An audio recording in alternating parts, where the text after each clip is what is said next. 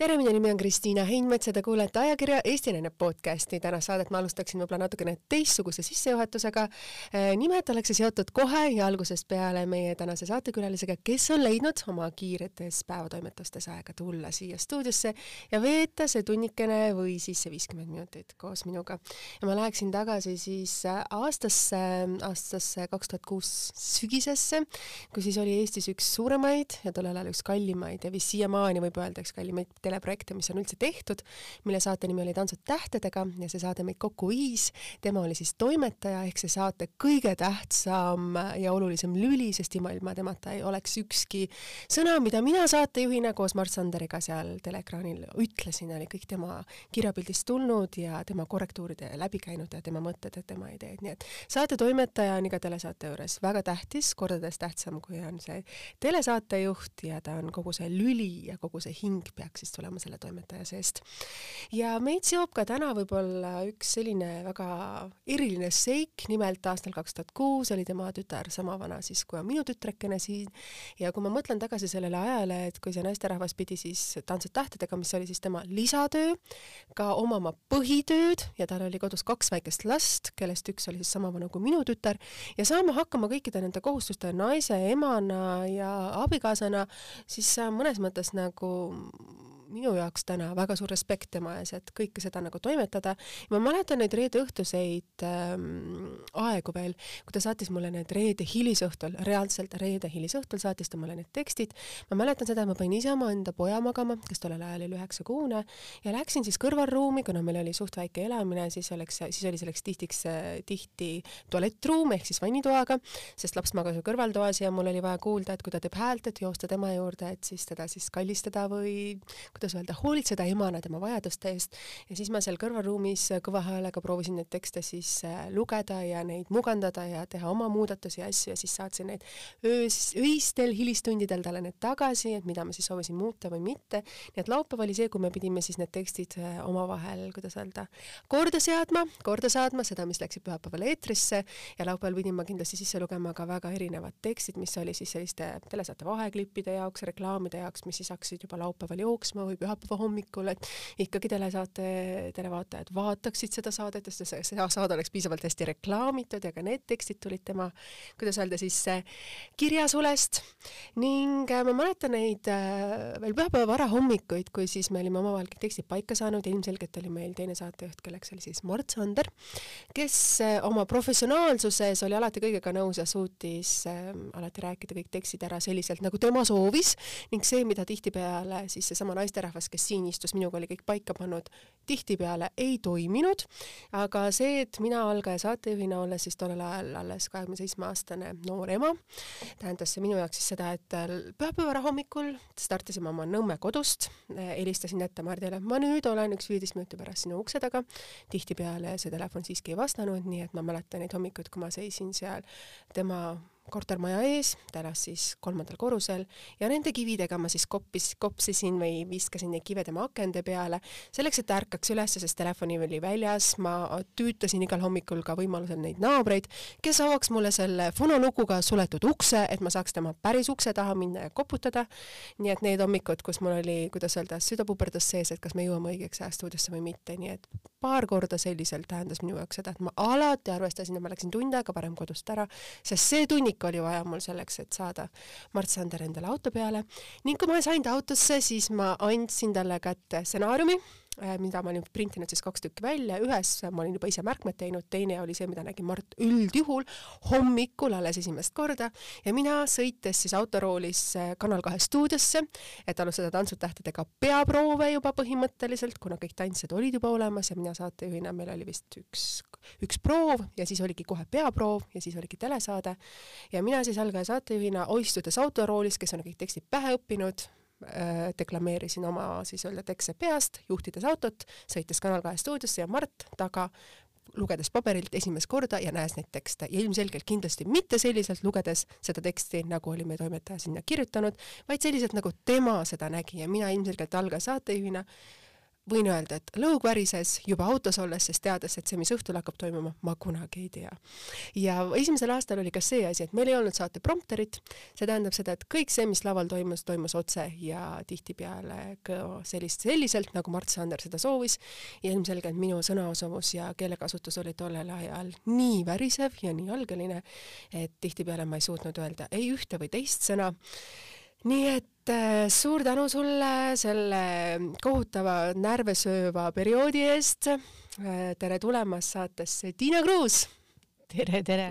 väga magusad mälestused, täiesti üllatav kuulda, mis asjad kõik äh, meelde tulevad, kui sa neid asju ja neid päevi meelde tuletad, aga tõesti kõik see on olnud ja täpselt nii, nagu sa mäletad, nii, nii me seda saadet tegime kunagi tõesti et ähm, selle saatega ju kaasnes ka meeletult suurt no, vastutus ja kõik, mis seal ekraanil nagu toimus, äh, pälvis nagu meeletult ja meeletult kriitikat ja mina ilmselgelt sellise ikkagi noh, otse-eetri jaoks äh, suht sellise rohelise saatejuhina sain ikka vastu päid ja jalgu, ma mäletan ikka tollel ajal ikka väga-väga palju, ma mäletan neid õhtuid, kus ma nutsin neid pisaraid ja asju, aga ma vaatasin iseennast seal ekraanil, mida ma tihtipeale ei suutnud teha, siis ma mõtlesin, et aga miks seda mul jälle kõike oli vaja.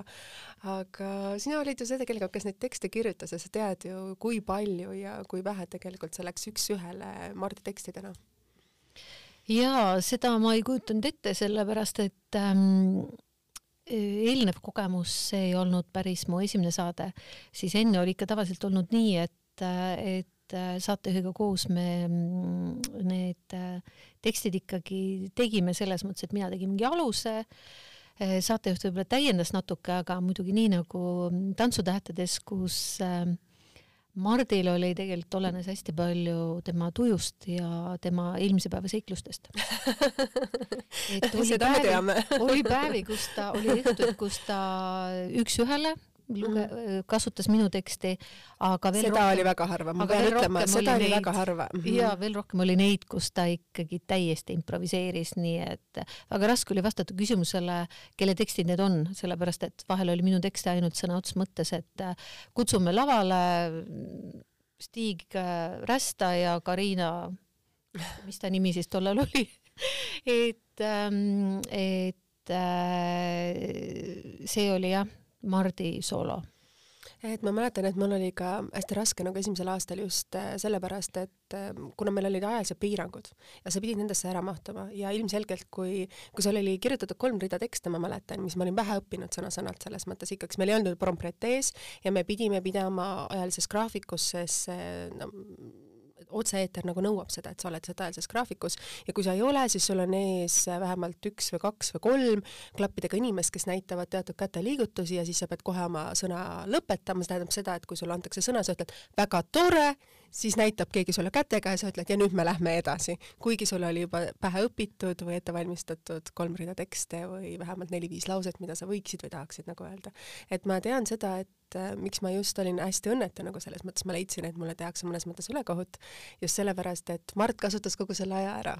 ja ainuke, mida, mis minule tihtipeale jäigi, oli, et väga ilus, väga tore, aitäh ja see on õudselt raske olla algajal ähm, noh, kogenud saatejuhi kõrval, kes, kelle isikuomadused võib-olla ei ole päris sellised, et äh, tema esimene mure on mõelda, mida äh, värisev noor äh, tütarlaps ta kõrval mõtleb, mida läbi elab.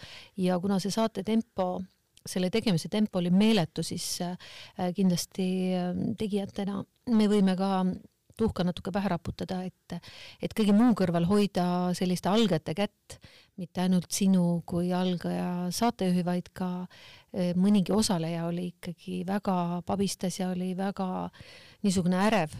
et eh, nende kõrval oli muidugi väga uljaid ja enesekindlaid inimesi aga võib-olla neid eh, tallekesi oleks pidanud seal rohkem natukene hoolitsema nende eest, natuke julgustama, aga lihtsalt nagu sa ise nagu sa ise siin meenutasid, et see oli meeletu tempo ja tegelikult ülikompaktselt surutud ühte nädala lõppu alates reede õhtust kuni pühapäeva ööseni mm, -hmm. siis lihtsalt äh, niisuguseks äh, positiivseks nunnutamiseks tegelikult aega ei jäänud ma ei mõelnudki seda positiivset nunnutamist, lihtsalt ma mõtlesin just seda, et äh, tegelikult see töö ja tekstide päheõppimine, kõik see, mis ma tegelikult ära ära tegin, sellest ei jõudnud ekraanile praktiliselt mitte midagi.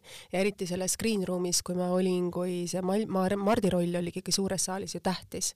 ja kui need äh, teles, kuidas öelda siis, need äh, tantsijad saadeti sinna taha ruumi, siis äh, mulle öeldi, mulle alati öeldi, et mul on kaks-kolm minutit, milleks ma olin siis valmistanud intervjuu ette.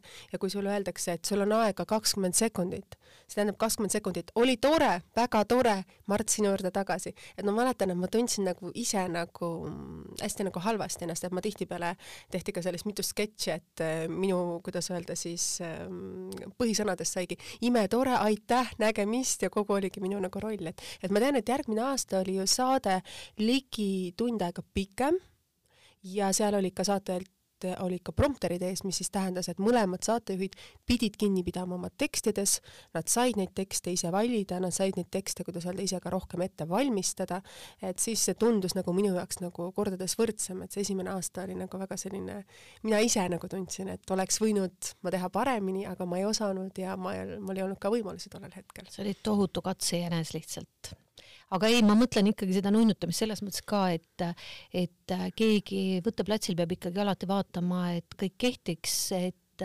inimestele ei tehtaks liiga, et kuulatakse ära kõik nende mured mm, -hmm. et et tegelikult küll, see mhm, kindlasti mhm. niisugune vette viskamine väga palju õpetab kiiresti ja, ja jõuad kiiremini edasi, aga samas inimliku niisuguse hoolivuse mõttes ta võib-olla ei ole kõige õigem ma ei, ma ei ütleks nagu seda, sest äh, Triin Lohats oli minul ikkagi selline käehoidja, et kui ma sulle võib-olla sellist äh, noh, tihtipeale ei helistanud, siis Triin Lohats oli see, kellele ma tihtipeale helistasin ja kurtsin oma muresid ja ta leidis alati aega, et mind ära kuulata ja mind tunnustada ja mind nagu selles mõttes aidata.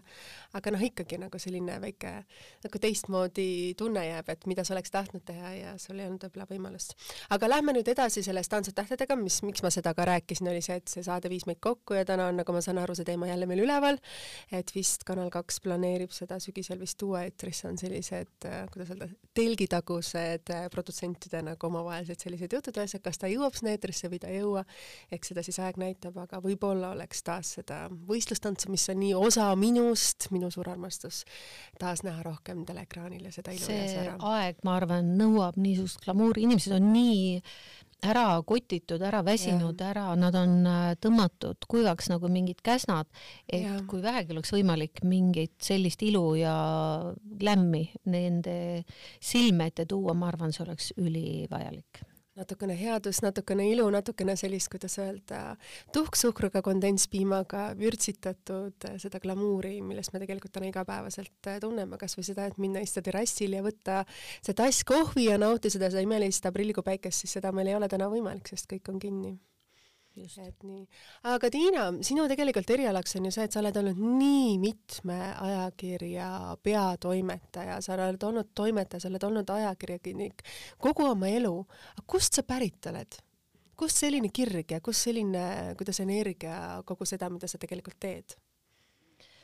ma olen pärit Kohtla-Järvelt, mis puudutab äh, sellist geograafilist punkti, kuigi mu vanemad ei ole seal alati elanud, Kohtla-Järve oli tollal niisugune küllaltki noor linn ja kui ta viiekümnendatel ja kuuekümnendatel arenes, siis sinna kolis väga palju igasuguseid noori spetsialiste, et minu mhm, vanemad mhm. sealhulgas ja seal nad ka kohtusid.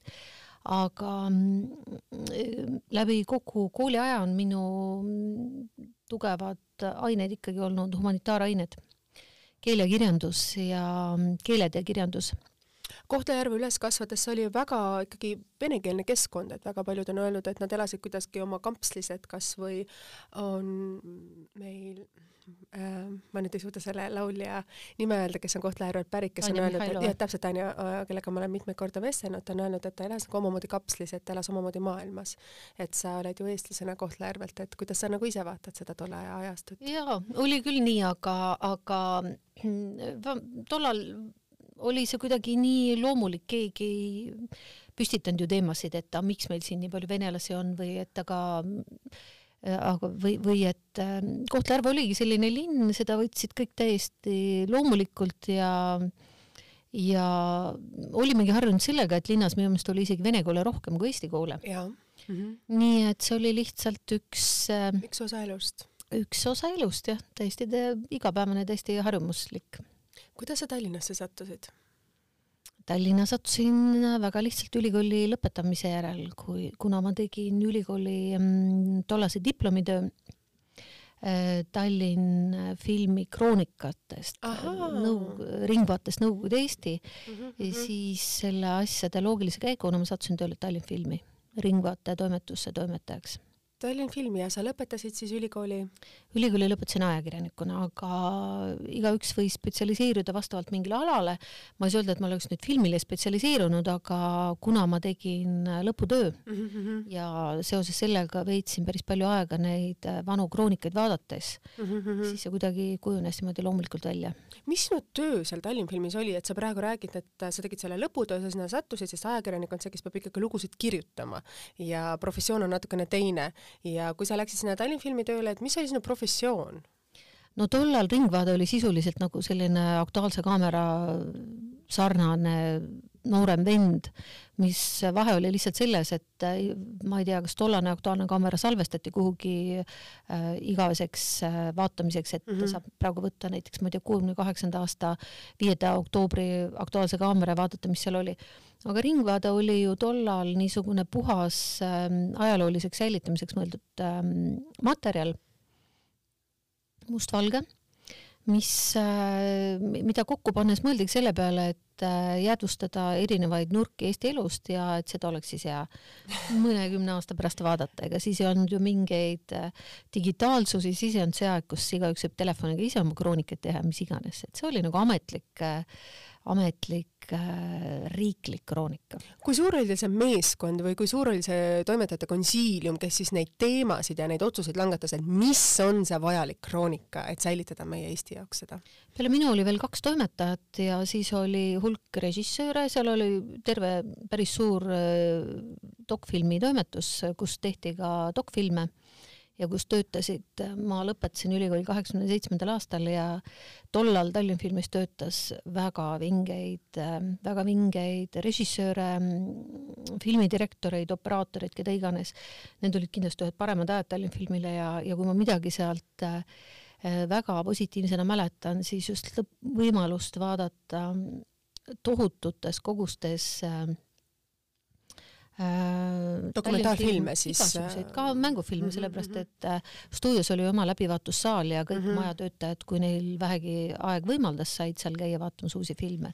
nii et lihtsalt sellises üliloomingulises ja ägedas keskkonnas olemine, ma arvan, et see oli kõige kasulikum asi, mis, mis sealt kaasa võtta. mis on need pärlid, mis sul on sulle endale nagu meelde jäänud või kui sa seal ütled selles samas screen room'is istusid, mis oli su privileeg ja võimalus sul, mis kaasnes su tööga, et mis on need pärlid või need hetked, mis sulle on enda meelde jäänud, mis nagu võib-olla jäid sulle meelde?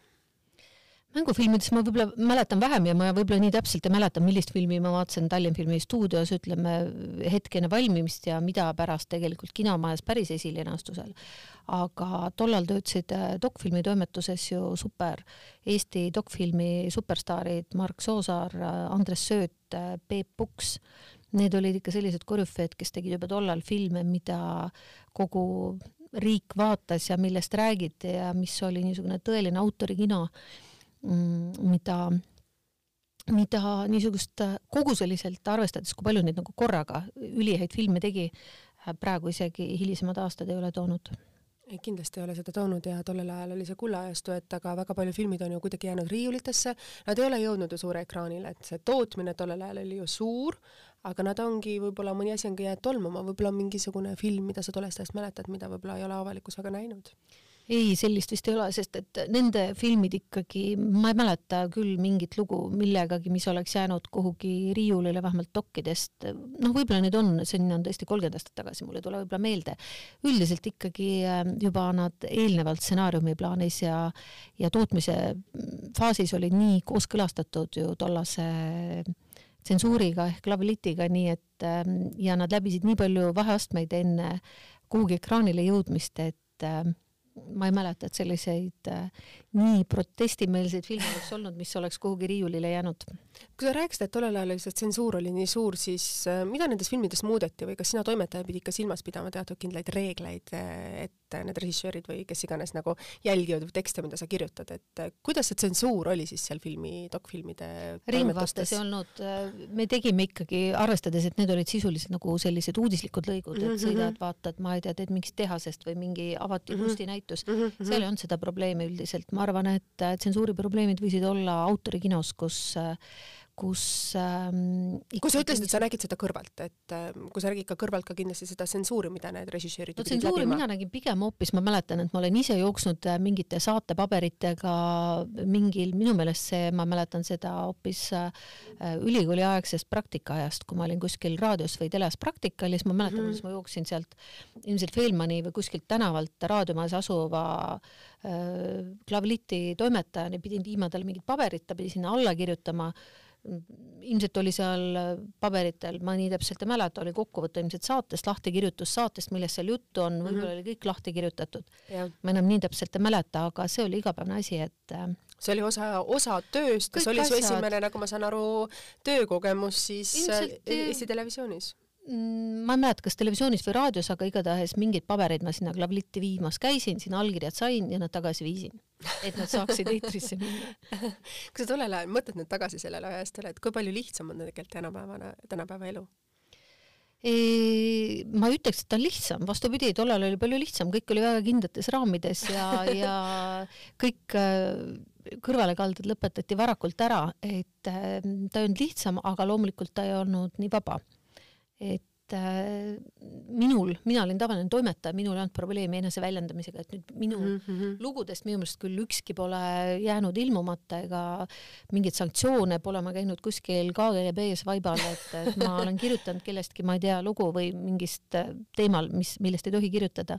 aga see, sa mainisid, mainisid KGB vaibal käinud, kas see tähendab seda, et oli inimesi, keda sa teadsid, kes käisid seal? no julgeolek saatis nõukaaja inimesi ju alates äh, olenevalt sellest, millal nad temaga kokku puutusid, kes napsitanud peaga võib-olla keskkooliõpilasena heiskas mingi sinimustvalge valel päeval kuhugi või ülikoolis tuli alati sellega probleeme ja iga kursuse pikad jututeemad olid see, et kes meie kursuselt on see, kes käib aru andmas igalt kursuselt ju püüti mingeid informaatoreid värvata ja, ja siis need sa teadsid sellest, see oli osa su elust ja no, kuidas sa sellesse suhtusid? kuidas sa sellesse ise suhtusid, kuidas sa nüüd no, tagasi aga, vaatad sellesse? aga sellele... kuna me ei teadnud ju seda kindlalt, me mm, -hmm. kõlakad käisid, et vot see inimene vist käib rääkimas, aga, aga me ei teadnud ju seda kindlalt ja teiseks, ega me siis ei läinud talle ütlema, et kuule, et sa vist, sa vist oled koputaja, et aga tead, see mm, tas-, nagu kaudselt tekkis see suhe, et inimest võib-olla ei kutsutud nii palju igale poole mm, üritustele või oldi tema läheduses ettevaatlikum või.... hoiti eemale, et sa teadsid aga... ka ise, et tuleb teatud inimesest võib-olla hoiduda või olla ettevaatlikum sellega, see oli osa su elust, jah?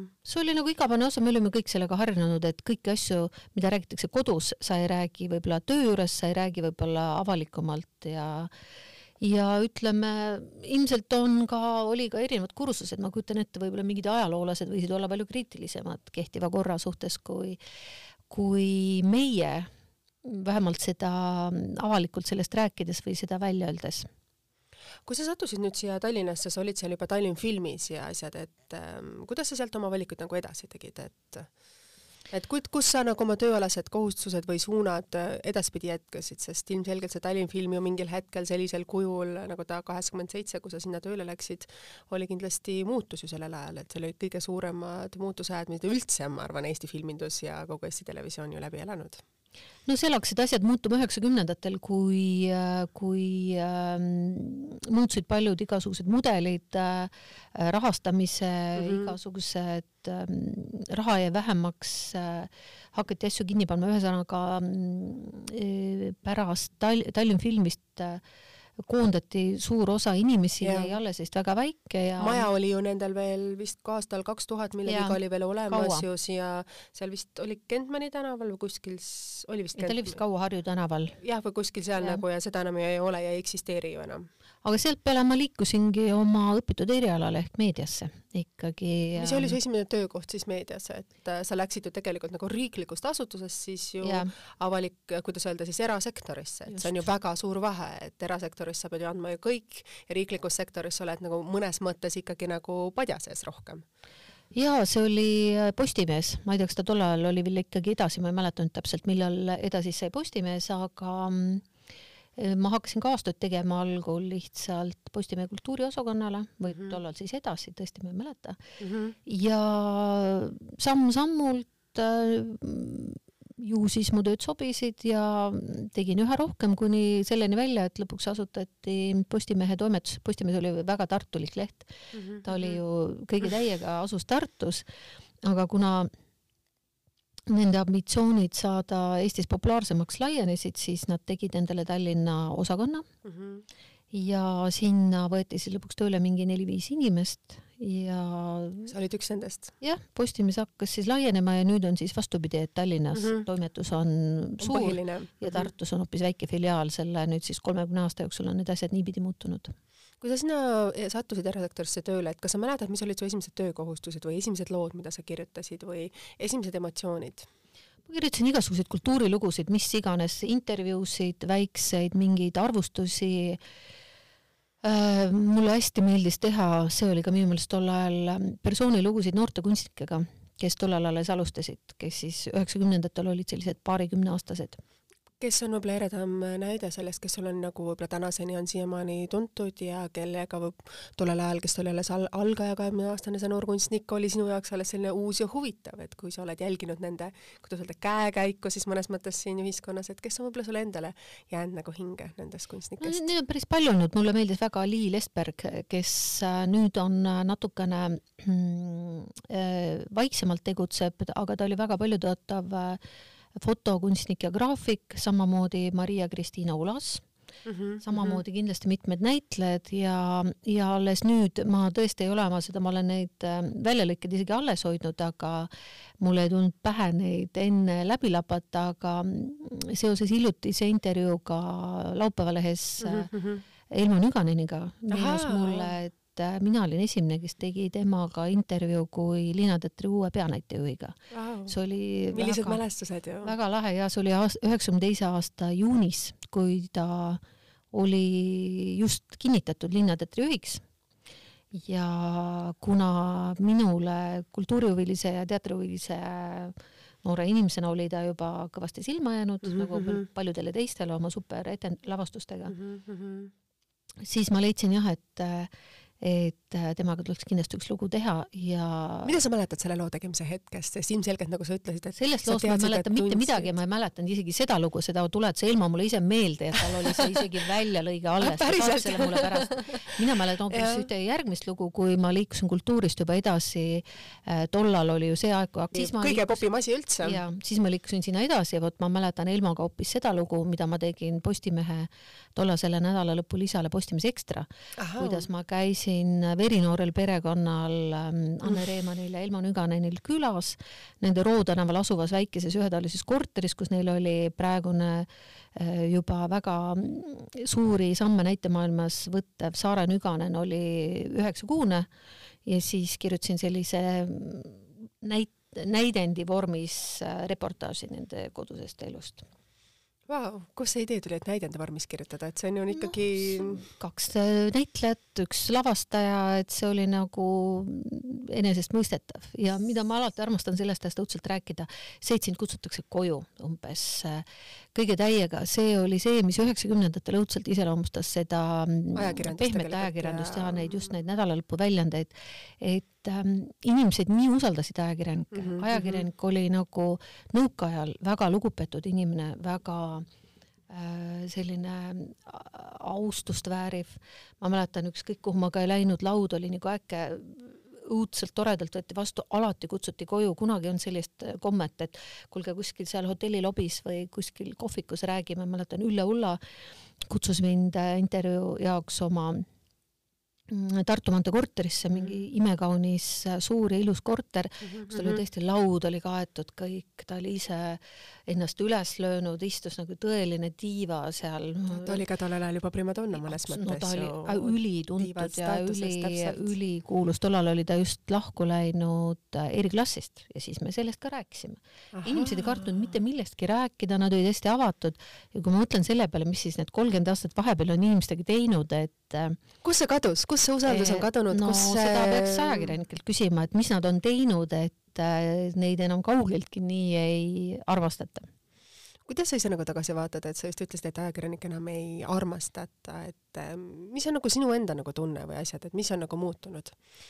olenevalt, ma arvan, et see on väga individuaalne, on ajakirjanikke, kes on väga eetilised, väga hea lastetoaga, väga head kirjutajad, kes äh, peavad kinni kõigist kokkulepetest, kes ei pane sul jalga taha, kes ei kasuta sind alatult ära. Ja on teistsuguseid.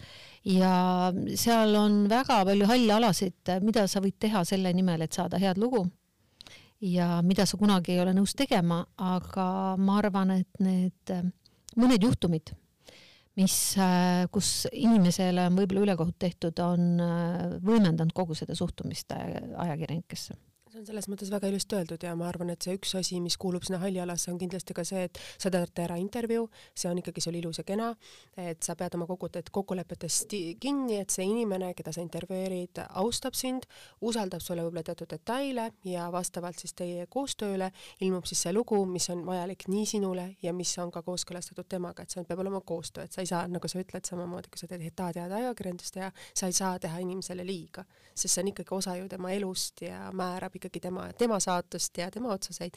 aga see hall ala on ju tihtipeale ka see, et sa annad ära intervjuu, mis ongi kirjutatud nii ja sealt võetakse välja need teatud mõned sõnad, mõned laused, mis mugandatakse ära mõne teise väljaande jaoks just selliseks, nagu nendel on vaja. ma just mäletan seda Evelin Mõigemasti intervjuud, kui ta mulle andis ja me rääkisime väga ausalt ja väga siiralt just äh, siin selle aasta esimeses jaanuari saates lahutustest ja kui see kaamera läks kinni, siis me rääkisime veel väga mitmetest teemadest, et tegelikult kui raske see on, kui palju see meile haiget teeb ja kui kui raskelt me mõnes mõttes ka naistena hiljem nagu adume või mõtleme, et aga mul oli ju armastus, ma ju abiellusin, kõik oli see ilus ja kena ja nüüd järsku, kui seda enam ei ole, pannakse minule kui naisele ette alati lahutatud naine. Aga mehele ei pandud lah lahutatud mees, et see nagu on samamoodi nagu ebaõiglane, et oli ju armastus, see oli kahe inimese vaheline võrdne asi ja nüüd, kui seda enam ei ole, millegipärast mina pean nagu seda süüd edasi kandma või seda silti lahutatud edasi, aga teine pool ei pea seda, et kas, kas see on nagu õiglane mõnes mõttes, et kas on mul mõnes mõttes nagu õigus sellega, et see hall ala on see, mis võib-olla teeb rohkem liiga, mitte võib-olla see ajakirjaniku enda eetika no naiste puhul on äh, õnneks väga palju muutunud ja neid on äh, tõesti rõhutatud nende puhul täiesti asjatuid asju ähm,. Neid ähm, ei ole tahetud võrrelda meestega, on alati rõhutatud, et aga ta on ju naine, et umbes siis tal võib ka mingi asi olla, nagu me väga hästi mäletame, naistelt alati on tahetud teada, kuidas nad ühendavad tööd ja kodu, et kuidas nad oma, kui tihti nad oma lapsi näevad. üheltki mehelt ei küsita, üheltki tippjuhilt, üheltki tippnäitlejalt, üheltki tipp ma ei tea, advokaadilt ei küsita, et teil on nii pikad tööpäevad, kas te ikka oma lapsi näete, nüüd on see hakanud muutuma, nüüd aastal kaks tuhat kakskümmend, et on kaks tuhat kakskümmend üks. et on äh, see suhtumine naistesse ka meedias on äh, väga palju viimastel aastatel muutunud, see muutub kindlasti edasi, on tulnud äärmiselt palju organisatsioone ja gruppe ja selliseid äh, aktivistide kooslusi, mis ähm, seisavad nende õiguste eest ja kes taotlevad tõelist võrdsust, ühesugust suhtumist inimesse, olenemata nii tema soost kui kõigist muudest äh, tema isikuomadustest ja füüsilistest omadustest ja väärtustest. ma olen sinuga absoluutselt nõus, et see on ähm, alles nüüdne viimaste aastate muutus. et naine ja mees ei saa olla kunagi võrdsed aga neid, kuidas öelda, ühiskonnas, ajakirjanduses või avalikkuselt väärikalt ja võrdselt kohelda, see on nagu oluline tegelikult, et see võrdsuse tunne, et sa oled koheldud sinu eest, kuidas öelda siis, sind arvustatakse või hinnatakse võrdselt, võrdõigust, mitte või võrdõiguslikult,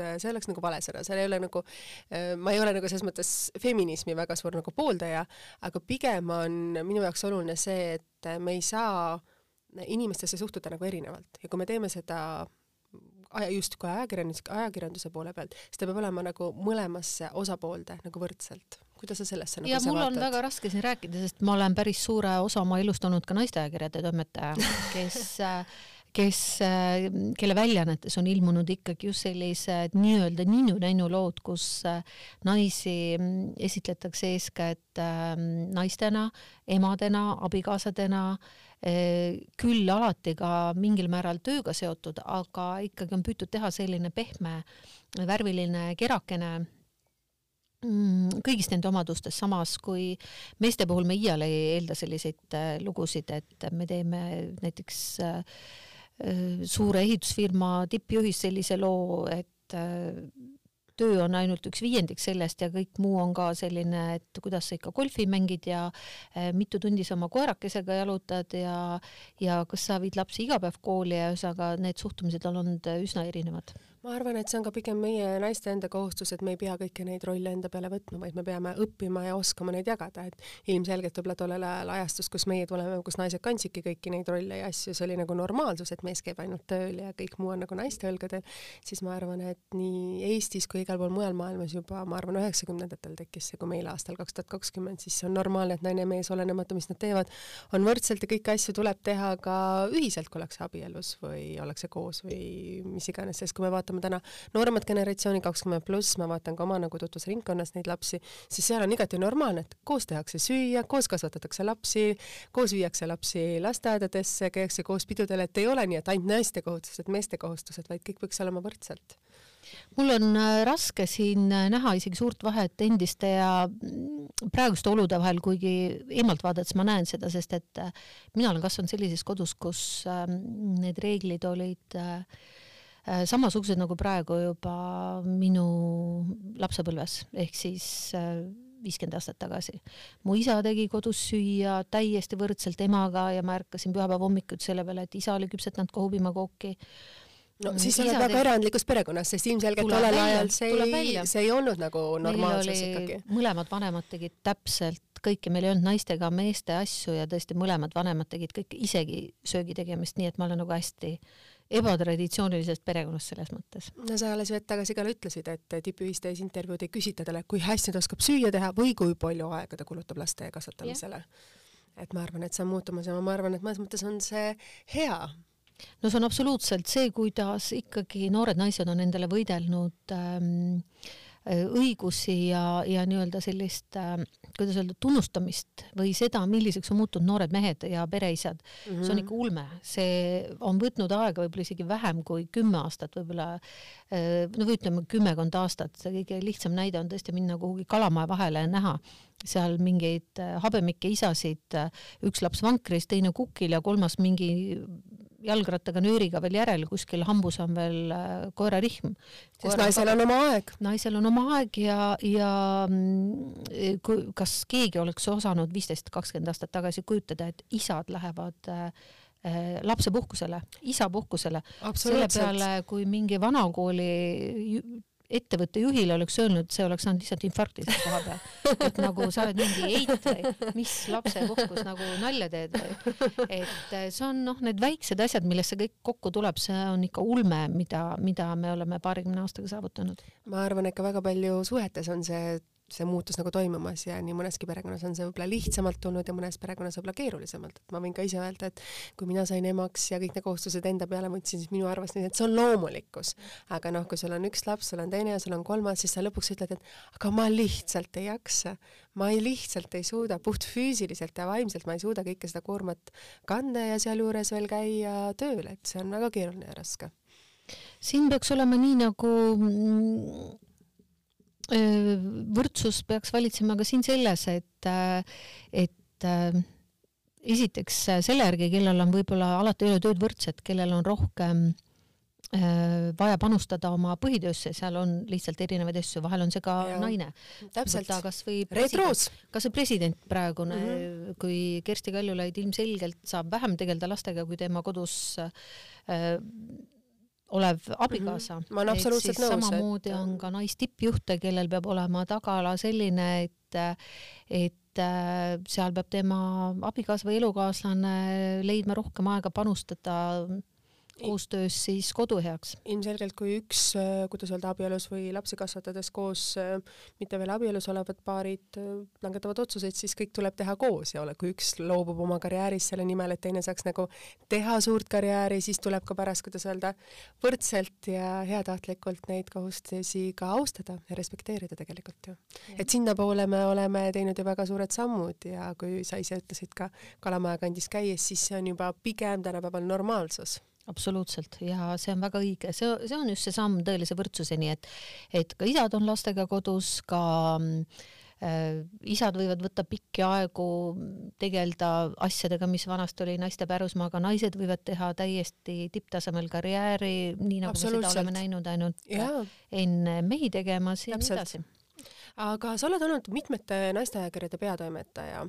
sa oled olnud Anne Stiili peatoimetaja väga mitmeid aastaid ja et sa just ütlesid ka hetk tagasi, et sa oled olnud naisteajakirjade peatoimetaja, et mismoodi see roll on äh, muutunud, et ma tean, et Heidit Kaia, kes on ajakirja Eesti Naine peatoimetaja, ma olen rääkinud, et kui tema võttis selle rolli üle, siis ikkagi eelmise peatoimetaja, kuidas öelda siis, juhtkiri oli see, et Eesti naine on ikkagi tagasihoidlik, väärikas ja selline pigem müürilillekene ja ongi olnud, no see on ikkagi nende eelmiste põlvkondade pärand, et äh, on täiesti selge, et kui sa lähed äh, näiteks seitsekümmend pluss ähm, vanuses äh, naiste seltskonda, sa kohtad võib-olla oma oma seisukohtadega rohkem mittemõistmist või vastuseisu, kui sa lähed kolmekümne aastaste sekka.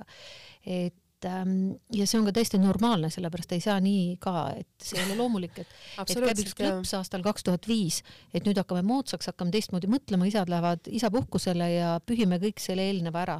kui ähm, see on loomulik protsess, jah. seitsmekümne viie aastane proua on kasvanud selle teadmisega, et äh, mehe koju tulles peab olema soe toit laual ja, ja seda ei ole mõtet hakata surkima ja hakata teda ümber veenma selles, et tead, see on vale, et hakka nüüd võitlema, et tule meile sinna naiste ringi ja tegelikult ütled kodus õhtul oma seitsmekümne kaheksa aastasele Aadule, et vaata, tead te ise süüa. aga, aga aga see oleks väga päris huvitav sellist situatsiooni ju vaadata, et mõnes mõttes ju see on uue teatrietenduse stsenaarium. no eks seda mingil määral ka toimub, ma kujutan ette, et, et ka vanemate hulgas ikkagi osad on selle suhtumise üle võtnud päris kindlasti, aga põhimõtteliselt on kõige olulisem ikkagi see, et noored põlvkonnad muutuvad ja, ja viivad seda elu natuke teistmoodi edasi. ja võib-olla muutuvad ka selles äh, näidates võib-olla teistmoodi vanemale põlvkonnale eeskuju, muutub ka vanem põlvkond mõnes mõttes tolerantsemaks ja. nende teiste arusaamade üle, mis võib-olla nendel ajal olid täiesti dogmad ja mõistetamatud. no ega neil ei jäägi muud üle, sellepärast et äh, ka need on ju meie vanaemad, kelle juurde tuleb võib-olla lapselaps samast soost äh, elukaaslasega ja. või tuleb lapselaps teist värvi abikaasaga, nad ja. istuvad seal, pööritavad silmi, aga nad peavad sellega kuidagi leppima või mitte, ega võib-olla mõni ei lepi ka jah, ega eks see ole keeruline. nagu sa tegid ajakirja Anne ja Stiil, et mis olid need teemad alati, mida sina tahtsid naisena, et oleksid selles ajakirjas, sest ajakiri Anne Stiil on ikkagi selline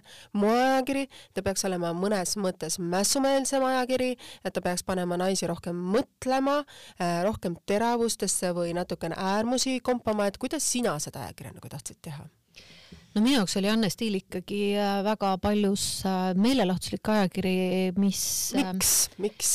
Sellepärast, et äh, niimoodi oli, sellisena oli tal oma nišš, kuna näiteks ütleme, needsamad nädalalõpuväljaanded ju mm -hmm. kirjeldasid ka, ka naisi, kes on, ütleme, oma erialal edukad või, või kellel on mingi huvitav kõrvaltegevus, siis seal, ütleme, väga suure osa ju ajakirjast äh, moodustas ilu- ja moemaailm mm, -hmm. aga põhimõtteliselt ikkagi põhiidee oli selles, et äh, näidata äh,, mida üks naine suudab erinevatel mm -hmm. aladel toime saata mm -hmm. korda saata. E, selle jaoks ju oli alati valitud vastavad ka persoonid, kes esindasid, äh, kuidas öelda siis, multifunktsion-, naise multifunktsionaalsust. näiteks naised, kes ei, pärast ülikooli ei läinud tipa-tapa tööle, vaid näiteks äh, panid ennast proovile, läksid välismaale kas või mingit lihttööd tegema, jah mm, -hmm. et selleks, et saavutada seal mingeid oma mm -hmm. muid eesmärke, äh, kandideerisid tööle välismaa firmadesse äh, eh, neil olid sellised hobid näiteks, mis eeldasid tohutut eneseproovile panekut mm -hmm, ja mm, -hmm. ja väga suurt vaimu ja füüsilist jõudu. põhimõtteliselt ikkagi mm, inspireerida ees,. eesmärk oli näidata, et äh, maailmas on väga palju huvitavaid asju, mida sa võid järele proovida. mis on need asjad, mida sul endale jäid sellest perioodist nagu sisse või mõni artikkel või mõni intervjuu või mõni persoon või mõni teema, mis ka sind võib-olla pani ahetama või sinu maailma muutis? Ma ise tollal ju, mm, nüüd kirjutavad ka peatoimetajad ja toimetajad ise palju rohkem lugusid, sellepärast mm -hmm. et mhm. see ajakirjaniku töö on niivõrd palju muutunud ja toimetaja töö, tollal oli peatoimetaja rohkem niisuguses äh, korraldavas, toetavas, kooshoidvas äh, rollis mm. -hmm. et ähm, mm, mõni teema, mõni asi, mis sa tundsid, et muudab maailma või muutis sind või mõni intervjuu, keda sa tollel ajal tegid, noh, ilmselt sa ütlesid, et sa tollel ajal tegid vähem intervjuusid, aga mis sulle nagu jäi nagu sellest perioodist meelde või sulle sisse või, või kuidas sa ise kasvõi selle ikkagi Eesti sellise moeajakirja lipulaeva peatoimetajana muutusid selle perioodi jooksul, sest sa olid ju väga pikka aega ikkagi noh, ma ei ütleks väga pikka aega, ma olin vist viis aastat. see on pikk aeg, see ei ole no, kuus päris... kuud ega aasta, viis aastat on pikk, pikk aeg, aeg, see on päris suur periood. Eh, mulle meeldisid igasugused, ma olin vist õudselt aldis äh, igasuguseid asju katsetama, isegi kui äh, ei olnud päris kindel, et see asi lõpeb äh, väga heade tulemustega, aga mulle meeldis proovida. minul me tegime näiteks seda, et äh, kutsusime ajakirja kokku panema kord aastas ühe külalistoimetaja külalispeatoimetaja, sealhulgas ka oli ka näiteks seesama Evelin Võigemest, kes äh, oli väga inspireeriv ja selle asja mõte oli siis natukene näha oma toimetust teiselt poolt ja mm, -hmm. ja natukene nii-öelda oma lugeja, ühe lugeja esindaja toimetuse lähedale toomisega äh, lasta tal siis teha nii-öelda oma unelmate ajakirja mm. -hmm. tegime seda kolm või neli korda. et see oli päris huvitav. kuidas ja... see vastukaja oli ühiskonna poolt siis või siis teie lugejate poolt pigem? Raske öelda, sellepärast et äh, lisaks äh, küll sellistele positiivsetele asjadele oli see ikka päris keeruline, sellepärast et inimene pidi ikkagi tegelema päris suuremahuliselt kõrvaltööga eks Evelin mm -hmm. on ka olnud väga hõivatud näitleja. ja, ja see, et ega see ei ole lihtne mõelda läbi mingi saja viiekümne leheküljeline ajakiri. Ja sest me istusime kõik, mina istu, võtsin ju ka mitte koha mitte laua otsas sisse, vaid seal laua kõrval, ajakirjanike kõrval, istusime, vaatasime otsa, ütlesin no nii, mis huvitavad lood nüüd meil siin tulevad? Ja siis Evelin, väga hea oli vaadata ennast kõrvalt, et milline sa siis nagu ise oled. Ja ja samas siis noh, eks me muidugi aitasime kaasa ja kõik. ja aga... ilmselgelt oli ju selle, kuidas öelda, katsetus peatoimetaja ja. jaoks äh, kasvõi näha, milline näeb välja ajakirja makett enne ja. trükki minekut kindlasti mõnes mõttes šokk, et kõik ju need detailid, mis on nagu tehnilised detailid, mis on sinu kui peatoimetaja jaoks nagu harjumuslikud, on tema jaoks ju mõnes mõttes šokk, et ta peab sellega hakkama saama, et sa lihtsalt ei tee ainult lugu ja sa ei mõtle ideed välja, vaid sa pead tegema ta paberile panema, kastitama, pealkirjastama ja sul on ju oma ajakiri sisu on ka üles ehitatud ju moe jaoks on viis lehekülge, ma ei tea, kingade jaoks on sul kümme lehekülge, kreemide jaoks kaks lehekülge, et tema ju pidi need ju kokku panema, et mis kreemid, kuidas ja mismoodi ja mismoodi?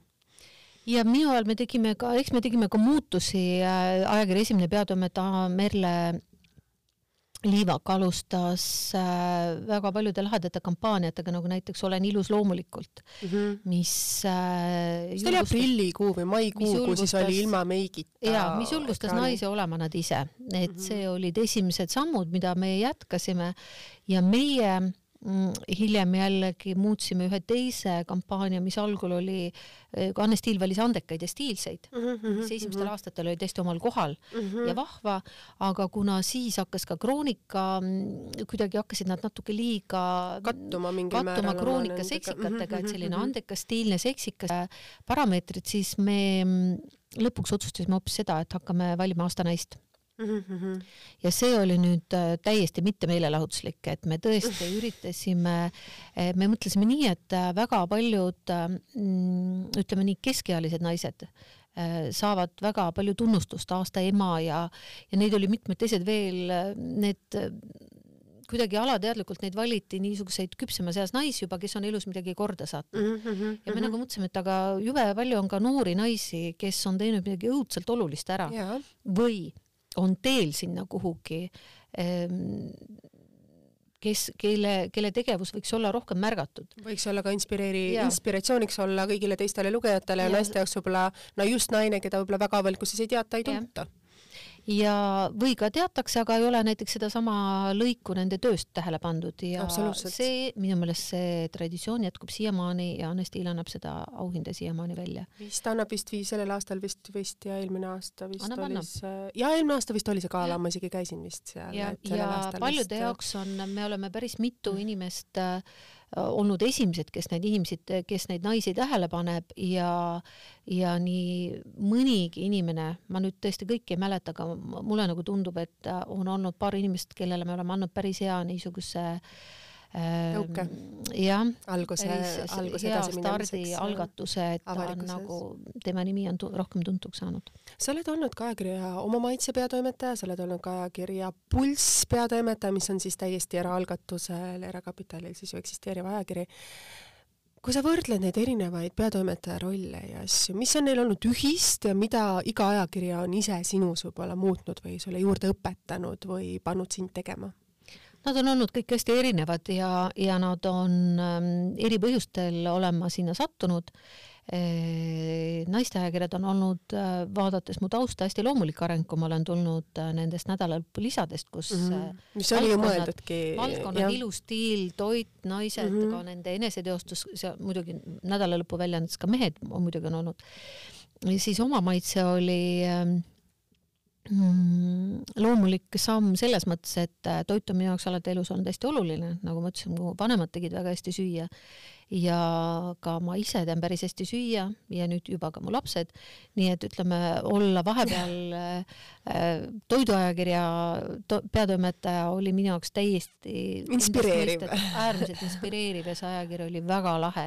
ma ei olnud küll päris esimene peatoimetaja, vaid ma maabusin sinna kapteni sillale mingi, mingi perioodi tagant, aga ma mäletan ainult äh, positiivsena seda aga Pulss oli, on olnud üks tore väljaanne, eh, mis eh, eriti oma algusaastatel eh, oli tohutult köitev sellepärast, et et ei tule tihti ette töökohti, kus sa saad teha, mida tahad oma töös, et sul on täiesti vabad käed. mida sa tegid siis, mida sa siis eh, tahtsid selle ajakirjaga teha? Äh, selline moodne linnaajakiri, mis paljudes maailma suurlinnades äh, ilmub siiamaani mm -hmm, ja Pulss oli ka tehtud nende eeskujul yeah.. et ta räägib. ta on just nendes äh, lukshotellides a la Ritz-Carlton Four Seasons yeah. või nendes Michelini restoranides Moskvas, või. Moskvas oli see selline väljaanne, mida kas müüdi või jagati mingites kioskites, ta sai ülikiiresti otsa, sest ta oli lihtsalt niivõrd hea et ta okay. nagu kajastab selle linna,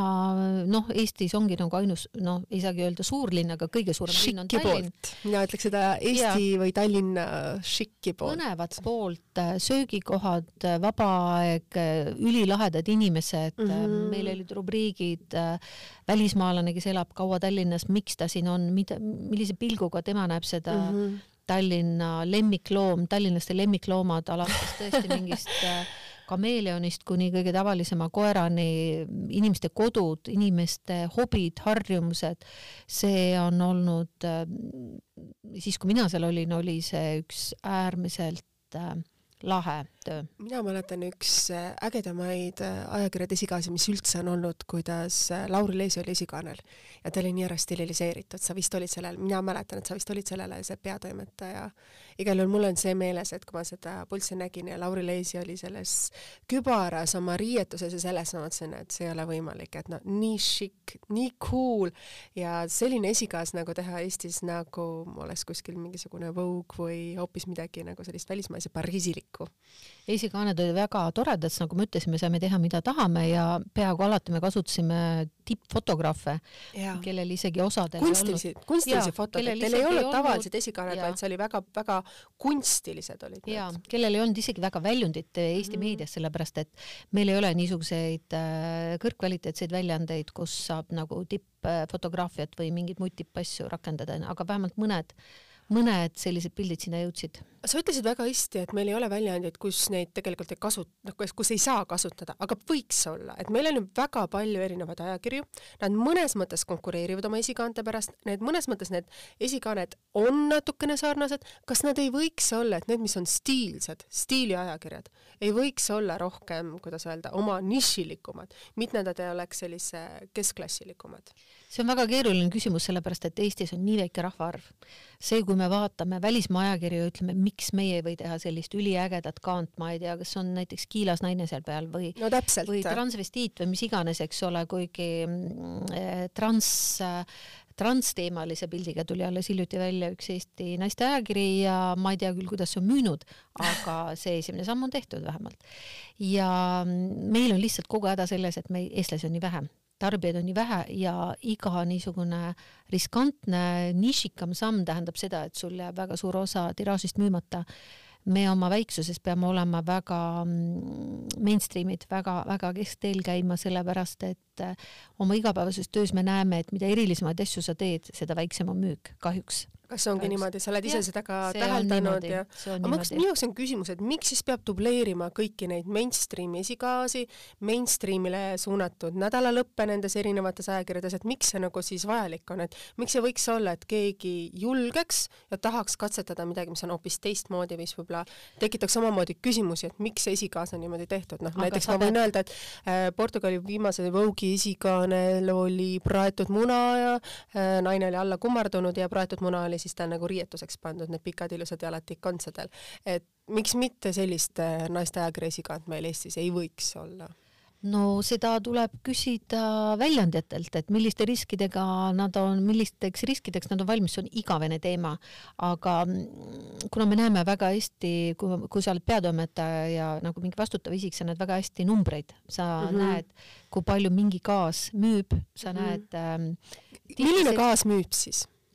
No mul on raske öelda, vaata, eks ma ei ole juba mitu aastat tulnud ja nagu me enne rääkisime, väga yeah. muutused on olnud väga kiired, et mm -hmm. kõige lihtsam on reegel, kõige lihtsam reegel on, et müüb äh, klassikaline ilus äh, väikse sädemega pilt väga tuntud inimesest, kes väga annab, harva annab intervjuusid, see on kõige lihtsam reegel ja neid nimesid me ilmselgelt teame, sest nad on võtnud ja. ka endale reegli, et nad on esikaanel iga kahe-kolme aasta tagant. jah selline on kõige lihtsam, aga, aga, aga ma mäletan väga hästi, sellest on nüüd aegu möödas mm, -hmm. aga ma mäletan väga hästi, et kui äh, Pere ja Kodu eksperimenteeris äh, meie väga väheste äh, mustanahalistega, kes tollal Eesti ühiskonnas olid. Mm -hmm. ja nad kaanele võttis, see lõppes täieliku katastroofiga, vähemalt üheksakümnendatel, kahe tuhandendatel äh, oligi niimoodi, et sellesse ja. nagu ühiskond suhtus negatiivselt? ta lihtsalt oli, ma isegi oleks nii kriitiline, sellepärast et tollal oli neid ka muidugi õudselt vähe äh, mustanahalisi ja, ja inimene võttis õudselt äh, nagu mm, ettevaatlikult seda, et mingi noh, et see on mingi keegi külaline, see ei ole nagu eestlane, ta ei ole meie ühiskonna osa. Mm, -hmm. miks ta on siin ajakirja kaane peal, ta ei ole, ta ei ole meie oma, ta ei ole, ta ei ole nagu, see on nagu vaata selles libahundis äh, kus on Margus, Tiina ja siis Mari, eks ole, et Mari oli teistmoodi. Yeah.. ta oli brünett, ta oli hoopis teistsuguse karakteriga ja, ja see Mari seal kaane peal ka tollal ei oleks mõelnud, et oleks ainult see Tiina, blond ja selline ohutu. Et see oli veel tollal väga aga see on kindlasti tänaseks on muutunud, aasta kaks tuhat kakskümmend on meil hoopis teised reeglid, hoopis tolerantsem on tegelikult ühiskond ja hoopis võrdsem.